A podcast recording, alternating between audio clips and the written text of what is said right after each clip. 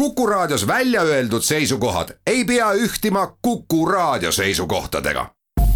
Te kuulate Kuku Raadiot.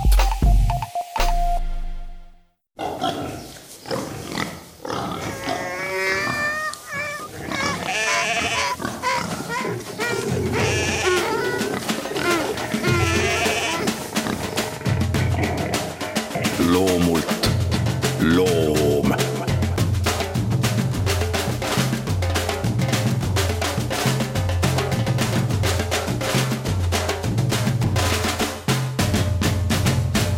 tere hommikust, mu sõbrad. ja nagu oligi plaanis. Lähme sinna seitsmeteistkümne sajandi noh, algusesse ja mitte ainult algusesse, loomulikult seitsmeteistkümnes sajand.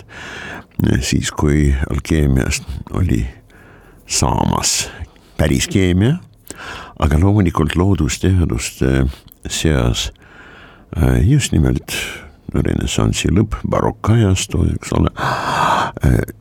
loodusteaduste seas esimesena hakkas teaduseks välja kujunema astronoomia ja koos sellega loomulikult füüsika.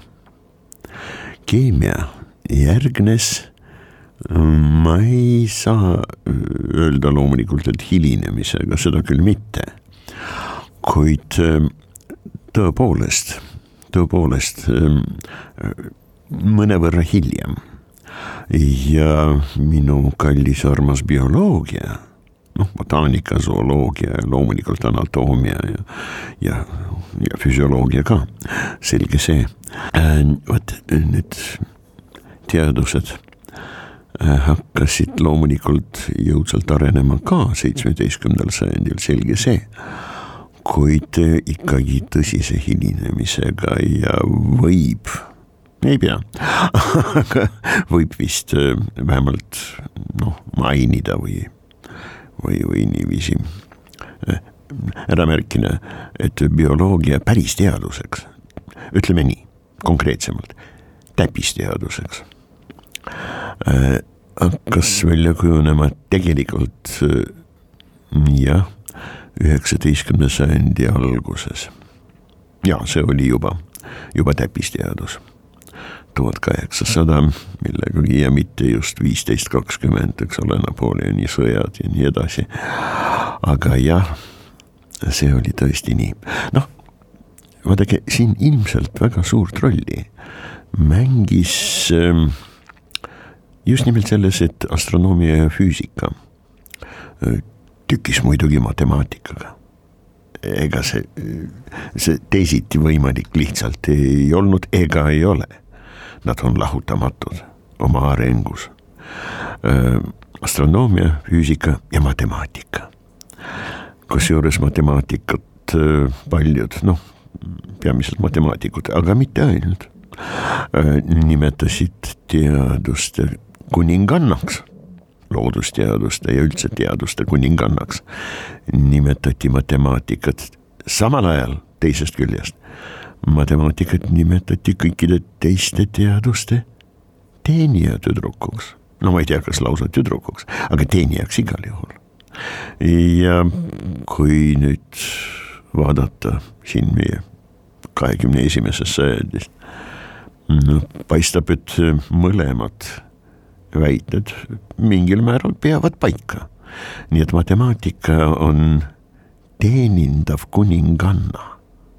huvitav, okei okay,, aga olgu sellega, kuidas on, kõik need teadused, astronoomia, füüsika ja matemaatika ja tihtipeale kõiki neid nimetati matemaatikaks. kõiki need kolme teadusharu nii-öelda, äh, neid peeti filosoofilisteks teadusteks teoreetilise huvi nii-öelda äh, alaks. sellest järeldus kõik, mida avastati, mida arvati, mõeldi astronoomias, füüsikas ja loomulikult matemaatikas, pandi kirja. Pandi kirja käsitsi loomulikult ja muidugi äh, seda tegid algul ikka mungad muidugi, nii mõnigi klooster oli üle tolleaegse maailma kuulus just nimelt raamatute illuminaatorite, illustratsioonide meistrite poolest jah, ja loomulikult kaunis käekiri, kalligraafia. no siis, kui viieteistkümnendal sajandil ja küllaltki varakult. Äh, Gutenberg, aga ta ei olnud tegelikult päris esimene trükk all maailmas loomulikult, hiinlased ammu trükkisid, äh, sajandeid juba, aga tema lõi ikkagi sellist noh, raamatutrükki või üldse tekstide trükkimise süsteemi, sellist pinki ja sellist meetodit, mis äh, lubab kasutada üksikud tähed, gravüür, kui noh, printimise kunsti suurt, suur teos, eks ole, suur tulemus ja, ja, ja, ja produkt oli iidsatest aegadest teada loomulikult, kuid iga gravüüri loomiseks kasutati loomulikult pressiseadeldist ja vastavat graveeritud matriksid alust. Nüüd Gutenberg tõesti lõi sellise süsteemi, trükkimise süsteemi, kus sa paned kokku üksikutest tähtedest aluse peal vajalikku teksti, trükid ära ja kasutad uuesti hoopis teise teksti jaoks needsamad liitrid, eks ole, needsamad tähed. sellest ajast peale kui trükikunst. Noh, eks nad olid käsitöölised loomulikult tolleaegse, noh hiliskeskaeg, noh Saksamaal see viieteistkümnes sajandi keskpaik oli hiliskeskaeg. loomulikult Itaalias äh, ammu mitte, äh, kuid äh, jah, paraku käsitööline, kes kuulus oli SKRA alusel kenasti atesteeritud ja kirjas, oli väga, väga tähtis tegelane, meister igal juhul. millest me räägime, selge see, nii et need trükkimised või trükkal-meistrid, nad hakkasid tõesti tööle ja väga kiiresti ähm, Euroopas Euroopa tsivilisatsiooni aladel hakkas levima trükitekste. Mõõtmatult suuremas hulgas ja mõõtmatult mitmekesisemad kui sajandid enne seda. ja vot siis hakkasid kaevurid, steigerid, maakide otsijad, leidjad, töödeldajad, metallurgid käsitöölised, kes eriti suurt midagi ei kirjutanud, võib-olla kirjutasid äh, mingisuguseid konspekte või midagi sellist, jah, kuid see oli ka kõik.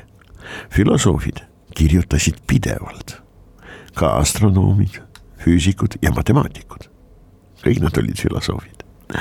Nad kirjutasid pidevalt ja nende teadmised levisid maailmas ja nad kõik teadsid, kes nende kolleegidest ja sõpradest millega tegeleb.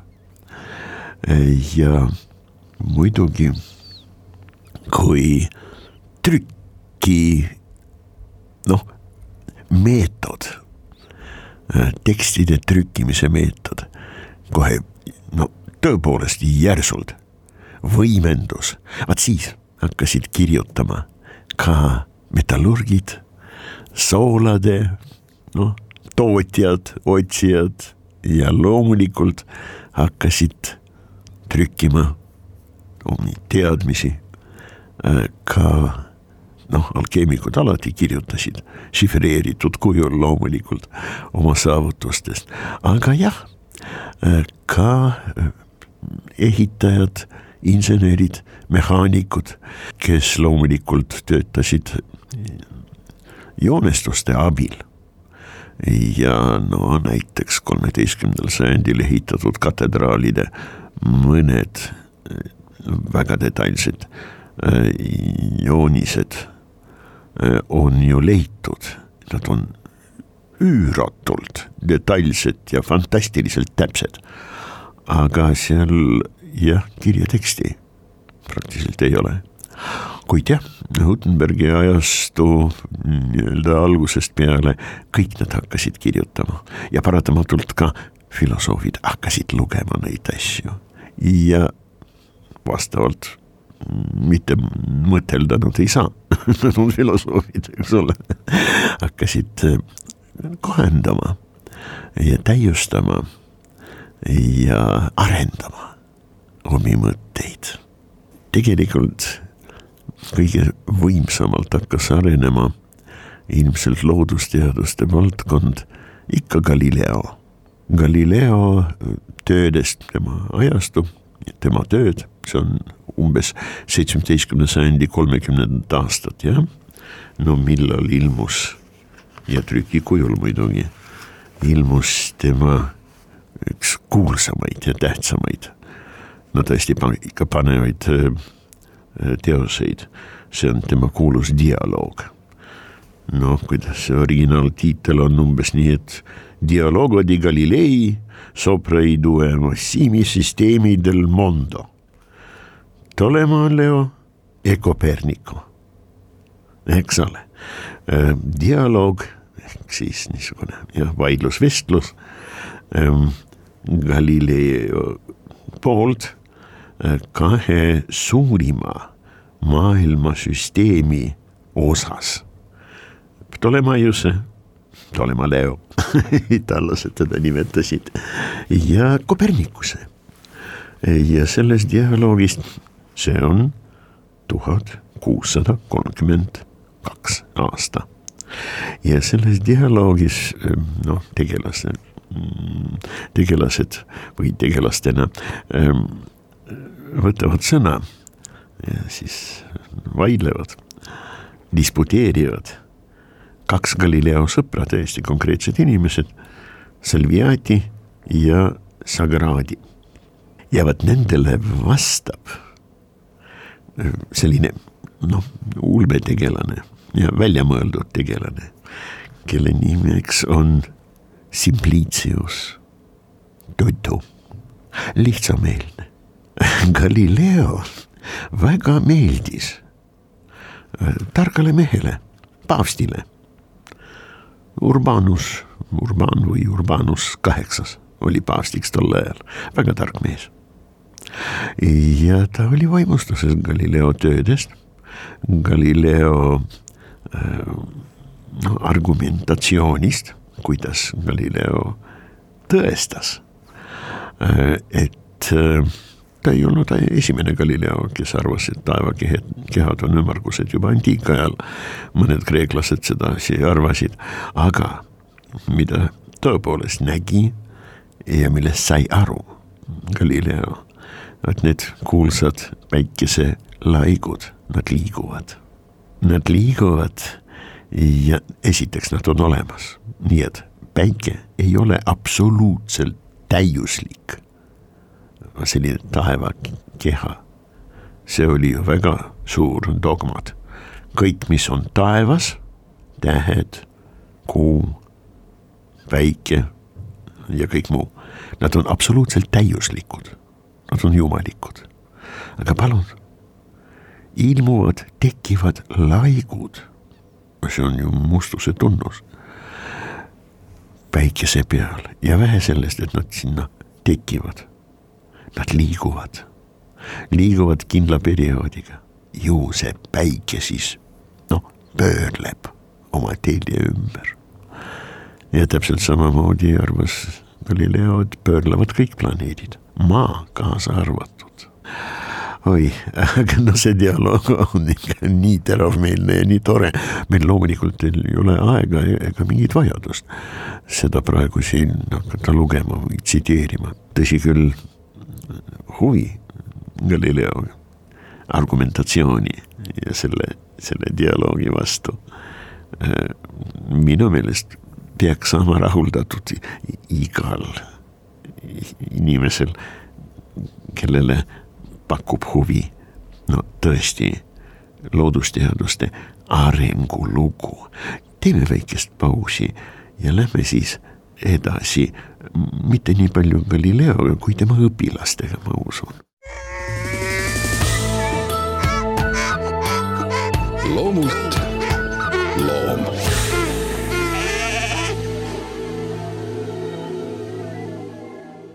nii et äh, Galileo dialoogi tegelased, Salviati Messere, Salviati Messere, Sagredi äh, jäävad versus, jah, nemad vaidlevad Simpliciusega.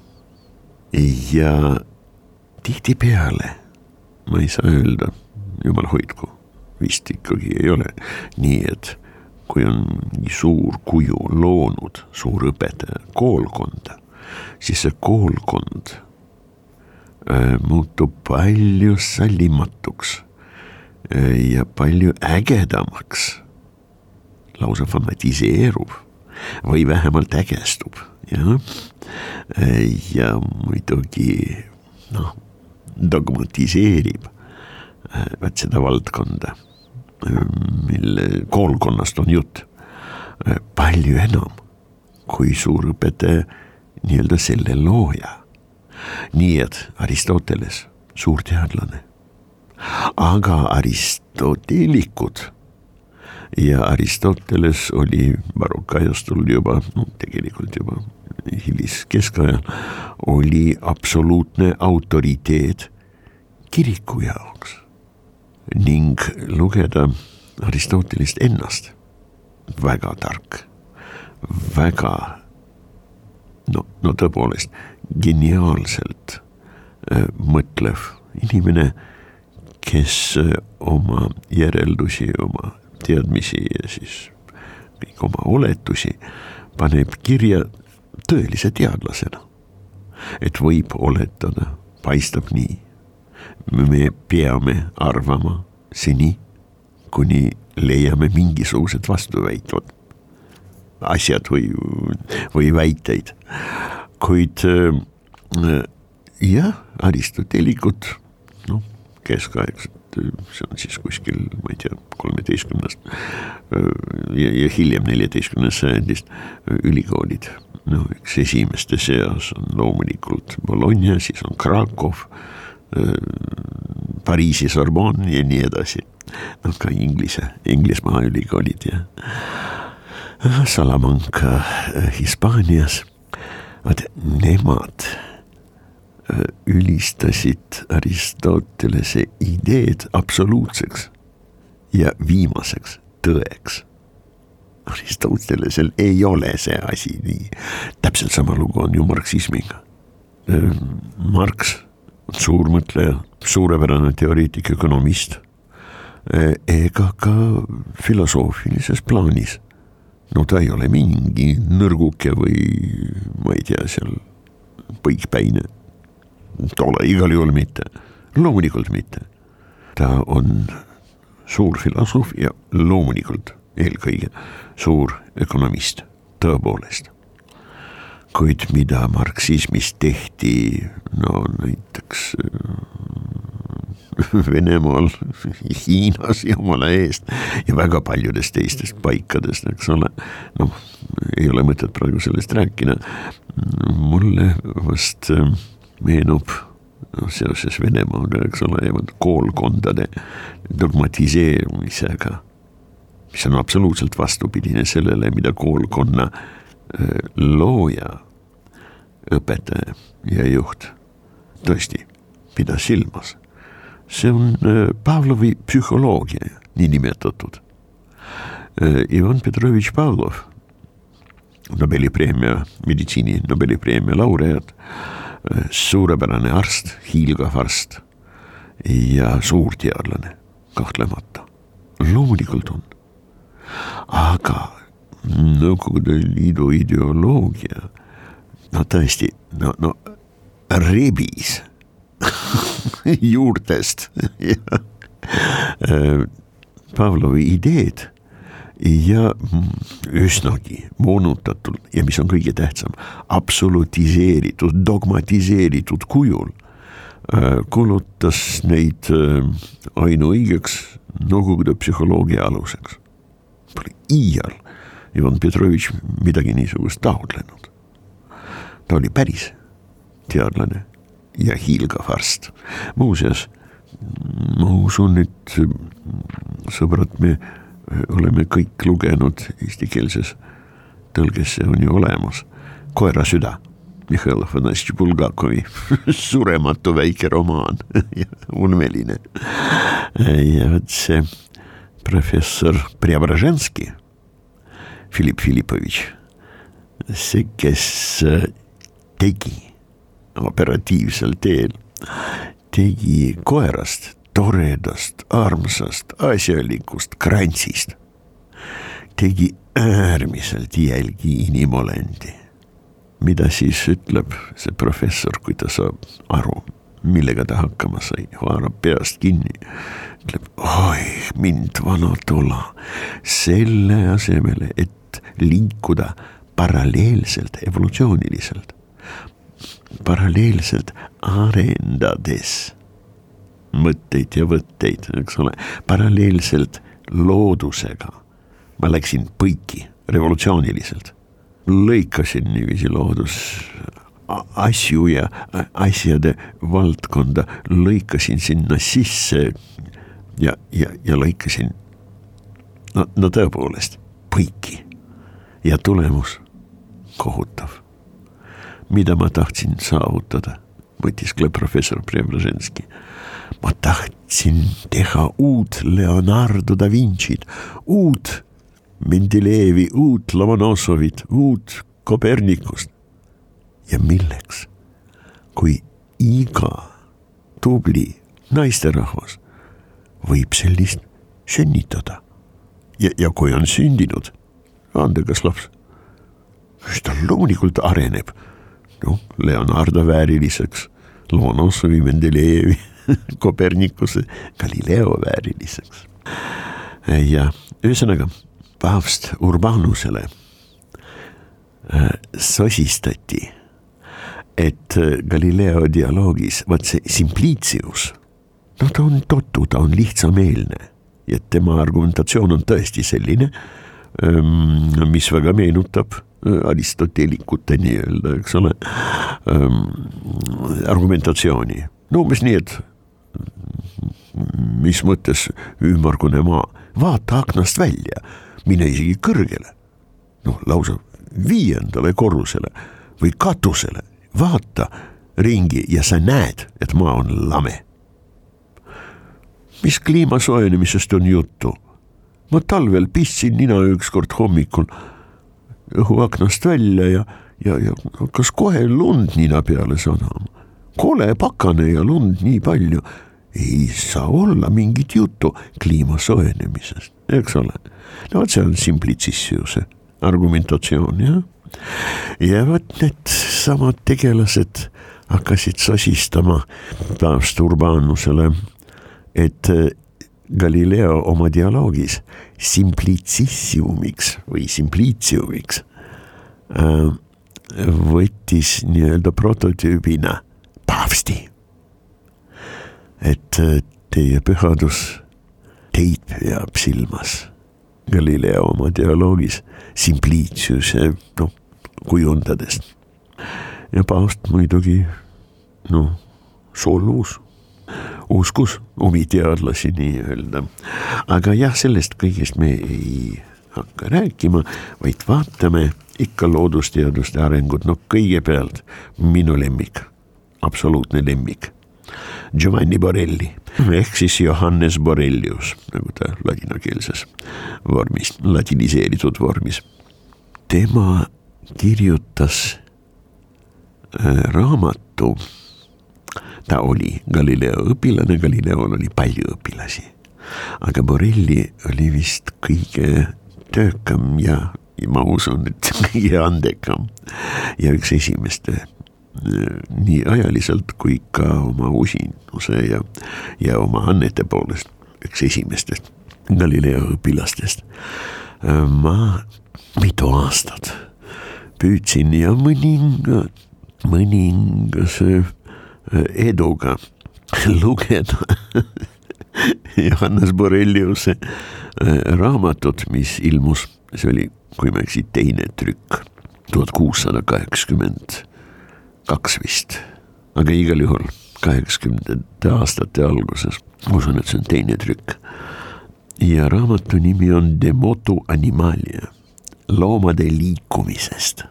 absoluutselt geniaalne teos, paks, see on peaaegu tuhat lehekülge ja loomulikult köidetud pergamendi ja, aga see on trükiteos muidugi. ja leidsin ma selle raamatu Tallinna Looma- ja Raamatukogus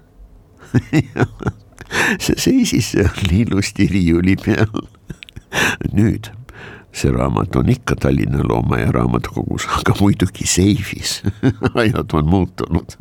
aga seitsmekümne kolmandal aastal ma tulin ülikoolist ja loomaaeda tööle, noh loomulikult ronid, no kõigepealt käid tutvud kollektsiooniga, selge see. aga siis ronid ikka raamatukogusse ja raamatukogu oli tohutu mitmekesine ja päris suur. suurel määral tänu loomaia direktorile Karoli Sternile, väga suurel määral. Mees oli äh, nosoloogias igal juhul autodidakt, ise õppinud, aga väga hästi ja põhjalikult õppinud. ja tal oli väga korralik haridus, noh, humanitaarharidus oli tal suurepärane ja temal oli suur kirg raamatute, kunstiteoste, eriti mis on seotud loomade kujundamisega, animalistika Äh, vastu, hiilgav maalide ja mitte ainult maalide, ka jooniste, gravööride ja loomulikult kujude kollektsioon äh, on Karoli Sterni ja tema vanema poja Aleksander Sterni, doktor Sterni poolt loodud, lihtsalt võrratu suurepärane, vahetevahel Tallinnas, noh, Kadrioru ilmselt selle kunstimuuseumi, vot selles väiksemas majas või suures Ehm, või Kumus ehm, korraldatakse neid noh, just nimelt Sternide kollektsiooni näitusi. ma väga soovitan mitte mööda lasta võimalus, kui jälle tuleb selline ja ma usun, et tuleb, ma loodan, et tuleb veel eh, sedalaadi näitus, siis kindlasti tuleb vaadata. jah, minna vaatama, selge see. noh, väga paljud maalid eh, hiilgavast geniaalsest animalistist Nikolski, Moskva mees. Oli juba suhteliselt vana mees, kui ma loomaaeda tulin. Ja Sterni kutsel ta meil elas seal loomaaias, meil oli selline noh, väike hostel, eks ole, majakene, kuhu me saime külalised elama panna, Villa Hortensiani nimetatud ja, ja Nikolski elas seal ja töötas meil. ai, milline kunstnik, aga see on juba teine teema. Vot tänu Sternile ja Stern midagi mainis, et kuskil, kas see oli Kasahstanis või kuskil Kesk-Aasias või mine tea, kus kohas veel, ta ju alati vaatas ähm, raamatu antikvariaatidesse ja muidugi äh, kõiksugu komisjoni poodidesse ja nii edasi ja nii edasi. ja sõjajärgne periood, seal leidus fantastilisi, uskumatuid asju, mille hinnaks oli no, no, no naeruväärsed kopikad, rublakesed, kuidas seda nimetada, aga no õigeks hinnaks igal juhul ei saa nimetada. lihtsalt oli nii, noh, nagu ütles üks minu äh, vana äh, sõber, kui ma avaldasin imestust, et jumal küll, millised maalide kogud on no näiteks Nižni Novgorod, see oli siis Gorki linn, eks ole, nõukogude ajal, ehm, kunstimuuseumis. millised on ehm, Moskva muuseumitest kujutava kunsti Puškini nimelises muuseumis, mida Marina Tsvetajeva isa, professor Tsvetajev lõi ja millised on Ermitaažis ja Peterburis hiilgavad asjad, kuidas see võimalik on, et nii palju hiilgavat maailmakunsti absoluutselt igal pool on niiviisi kogunenud. minu vana sõber, kes oli minust aastakest kakskümmend vanem vähemalt, ütles mulle väga lihtsa lause. elu on kallim annad ära. oi jah, aga igal juhul see raamat De motu animalia, loomade liikumisest. see raamat on tõepoolest, ütleme nii, biofüüsika ja loomade motoorika uurimise no, aluste alus ja mitte ainult, et mis on nii Leonardo da Vinci kui paljude teiste loomulikult, aga vast ikkagi, mis otse teadus arengusse puutub, ikkagi Galileo. No võib-olla suurim saavutus. maailm areneb, maailm muutub muutub ka päike, muutuvad taevakehad ja muutuvad asjad, mis on elutud või elusad, aga millest koosneb maailm. teeme veel väikese pausi ja lähme siis juba äh, Borrelli õpilaste juurde, kes on mulle kõige kallimad, sest nad tegelesid otseselt juba botaanika ja zooloogiaga. loomult loom.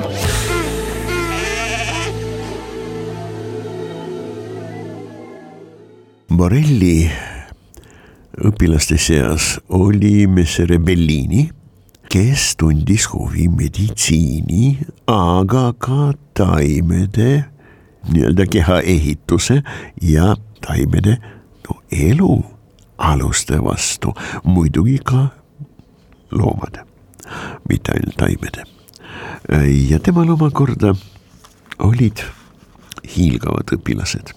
kõigepealt Marcello Malpighi. tema eluaastad tuhat kuussada kakskümmend kaheksa kuni tuhat kuussada üheksakümmend neli. ta sündis ja kasvas Bolognas, üks esimesi või päris esimene, vähemalt Euroopas, ülikool ja, ja ta oli muidugi väga kuulsa äh, Accademia del Cimento liige äh, ning tegeles ta, noh, loomulikult ta õppis arstiks, kuid ega ta ei praktiseerinud arstina. ta oli, no ütleme nii, natuurfilosoof ja loodusfilosoof aga konkreetselt ja väga põhjalikult uuris ta taimede anatoomiat ja putukate anatoomiat, aga ka füsioloogiat. noh, siiamaani putukate eritisorganid, malpiigisoonekesed, eks ole. ta avastas väga palju huvitavaid asju ja see on hämmastav, kuivõrd peenelt ja täpselt ta töötas ja ta nägi ja ta sai aru, mida ta näeb. loomulikult nii mõndagi asja ta pidas hoopis teistsuguseks, aga no jumal küll, alguste algus. ja muidugi tema tööde arendaja, noh, praktiliselt sündis samal aastal, tuhat kuussada kakskümmend kaheksa, suurepärane inglise äh, teadlane, Inglismaa teadlane, äh, Niemia tema suri tuhande seitsmesaja üheteistkümnendal aastal. Äh, lugedes ja uurides Malpigi tööd, hakkas ta ka ise taimi uurima, mikroskopeerides neid. ja temale kuulub au äh, mõiste koed, erinevad, aga elusate organismide koed. vaat ta hakkas kudedeks nimetama ühesugustest elementidest, väga sarnastest homogeensetest rakkudest koosnevad vaat sellised summad, kogumid. ta hakkas neid kudedeks nimetama, sellega ta on hüstoloogia esiisa. Jah, Malpigi, noh, Inglismaa kolleeg ja, aga Malpigi esimesena näitas, et jah, taimedel on olemas vot selline ühtlane rakkude, ühesuguste rakkude selline välja peetud kogum, mis on lehe sees. ja äh, Niemöö nimetas seda laadi koed, taimsed koed parenhüümiks. Malbi kasutas mõiste parenhüüm ka loomsete kudede ähm,. aga kuidas see käis, kes kellel laenas seda mõistet parenhüüm või, või nad tõesti simultaanselt samal ajal tulid selle peale, ma ei oska öelda. aga see ei ole ka nii väga tähtis.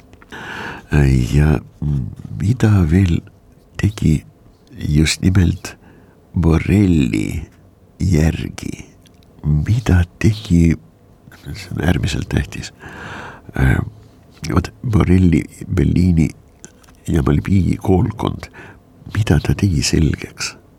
ta hakkas võrdlema äh, loomad ja sai aru, on olemas alamad loomad ja on olemas kõrgemad loomad täiesti konkreetsete nii-öelda aspektide seisukohalt. no näiteks äh, toese kudede või toeste arengu osas. tegelikult äh, nende teadlaste töödes sa juba noh, sa juba tajud evolutsiooni ideedestikku. ja muidugi Charles Darwin ei olnud esimene ega ainus no seda me teame, kes evolutsiooni äh, ideede peale tuli ja hakkas neid arendama. selge see, aga noh, me praegu nendest ei räägi. kuna aeg saab varsti mul otsa, siis äh, mainin veel sellist teadlast ja nad on juba loodusteadlased, muidugi nad ei ole mingid alkeemikud, ei nimetuse ega tegevuse nii-öelda eesmärkide poolest, nad ei otsi mateeria priimad.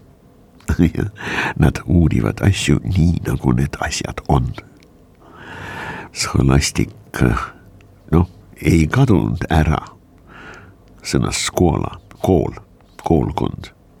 Ja scholastika peamiseks argumendiks igas dialoogis, igas dispuudis on ikka see Pythagorase õpilaste oma väide, argumendina kasutatud väide ja autos efa, ise ütles, järelikult see nii on.